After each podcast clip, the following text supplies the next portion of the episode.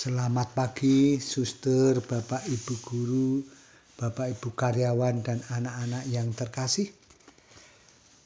Pada pagi hari yang indah ini, marilah kita terlebih dahulu untuk mendengarkan sabda Tuhan, agar segala kegiatan kita senantiasa menjadi lebih bermakna di dalam hidup kita marilah kita memberi tanda kemenangan Kristus.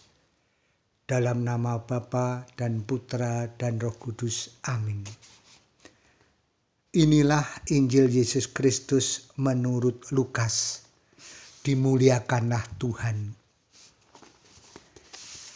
Ketika orang banyak mengerumuninya, berkatalah Yesus, "Angkatan ini adalah angkatan yang jahat mereka menghendaki suatu tanda, tetapi kepada mereka tidak akan diberikan tanda selain tanda Nabi Yunus. Sebab seperti Yunus menjadi tanda untuk orang-orang Niniwe, demikianlah pula demikian pula lah anak manusia akan menjadi tanda untuk angkatan ini. Pada waktu penghakiman, ratu dari selatan itu akan bangkit bersama orang dari angkatan ini dan ia akan menghukum mereka. Sebab ratu ini datang dari ujung bumi untuk mendengarkan hikmat Salomo. Dan sesungguhnya yang ada di sini lebih daripada Salomo. Pada waktu penghakiman, orang-orang Niniwe akan bangkit bersama angkatan ini dan mereka akan menghukumnya. Sebab orang-orang Niniwe itu bertobat waktu mereka mendengarkan pemberitaan Yunus. Dan sesungguhnya yang ada di sini lebih daripada Yunus. Demikianlah Injil Tuhan terpujilah Kristus. Suster, Bapak Ibu guru, Bapak Ibu karyawan, dan anak-anak yang terkasih.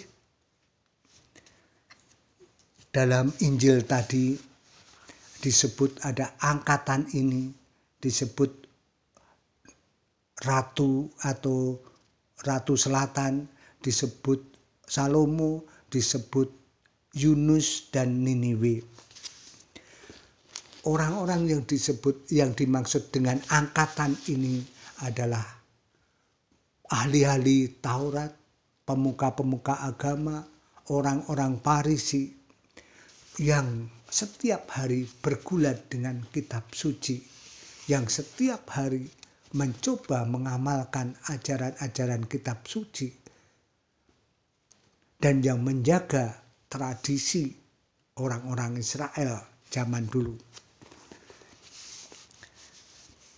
Tetapi meskipun setiap hari melakukan kewajiban mereka, tetapi kewajiban mereka dilakukan tidak dengan hati.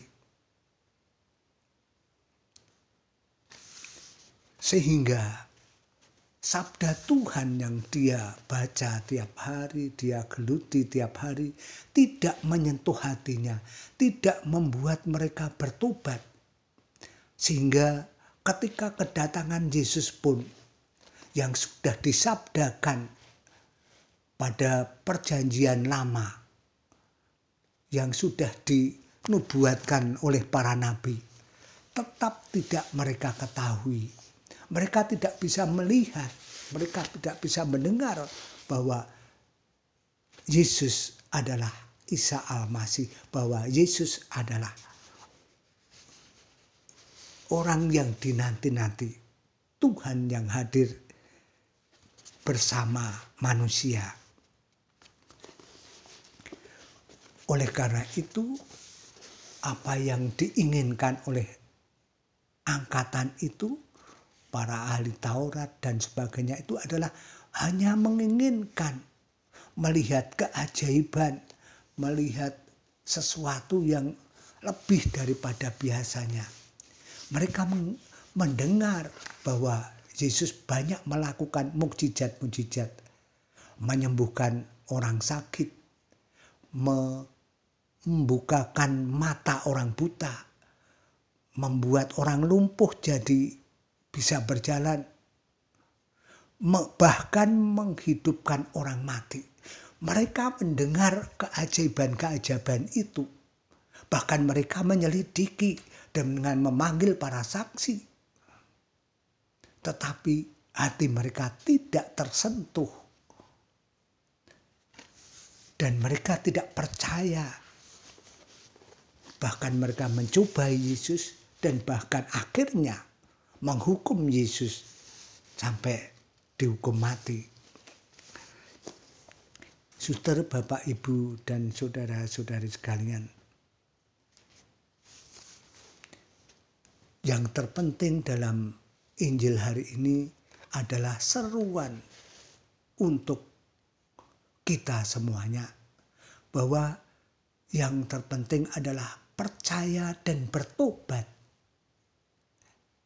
Percaya dan bertobat dari hidup yang lama ke hidup yang baru. Orang-orang Parisi, orang-orang ahli Taurat dan sebagainya itu orang yang percaya pada Tuhan. Tetapi perilakunya tidak menunjukkan pertobatan. Perilakunya hanya melakukan hal-hal hanya sebagai kewajiban, bukan dari hati yang bertobat, yang ingin memang memperbarui hidup yang lebih baik. Orang-orang yang bertemu dengan Yesus seperti banyak orang dan melihat keajaiban-keajaiban yang dibuat Yesus, banyak yang bertobat lalu berubah hidup mereka. Nah, marilah kita semuanya kita setiap hari mendengarkan sabda Tuhan kita setiap hari berdoa dan kita percaya pada Tuhan. Dan kita juga perlu bertobat. Kalau ada hidup kita yang kurang baik tiap hari, mari kita perbaiki dalam hidup kita. Sebab Tuhan Yesus pernah bersabda, barang siapa tidak percaya akan dihukum seperti tadi dikatakan angkatan ini akan dihukum, dihakimi oleh Ratu Selatan, oleh orang-orang Niniwe. Ya. Karena mereka tidak percaya apa yang dikatakan Yesus. Yesus lebih daripada Salomo, lebih daripada Yunus. Kalau kita ingat, Nabi Yunus adalah nabi satu-satunya yang menolak diutus oleh Tuhan untuk mentobatkan orang Niniwe karena Yunus tahu betapa jahatnya orang-orang Niniwe itu. Yunus ingin supaya orang-orang Niniwe itu memang dihukum biar kapok. Nah, sifat seperti Yunus ini akhirnya diubah oleh Yesus ketika dia melarikan diri dari tugasnya dengan tidak mau datang ke Niniwe, ia pergi naik kapal ke tempat yang lebih jauh. Akhirnya kapalnya oleng, kena angin topan, lalu Yunus oleh orang-orang itu dilempar ke laut karena dialah sumber celakanya kapal itu. Dan Yunus dilempar di laut dan di laut dimakan ikan di dalam perut ikan selama tiga hari tiga malam lalu dimuntahkan dan dari situ dia bertobat lalu datang ke Niniwe dan memberitakan apa yang diharuskan dikatakan kepada orang-orang Niniwe oleh Tuhan yaitu bertobatlah Kalau tidak bertobat, maka kamu akan dihukum.